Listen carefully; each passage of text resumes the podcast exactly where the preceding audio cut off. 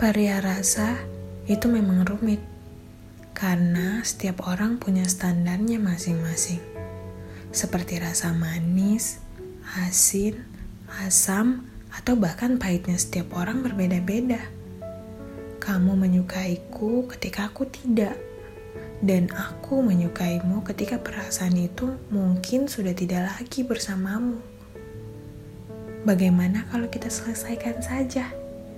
Kamu menyukaiku, begitupun aku. Meskipun perasaan itu tidak datang secara bersamaan. Setauku, kalau dua orang ingin bersama, mereka harus saling berjuang agar tidak ada waktu untuk saling meninggalkan.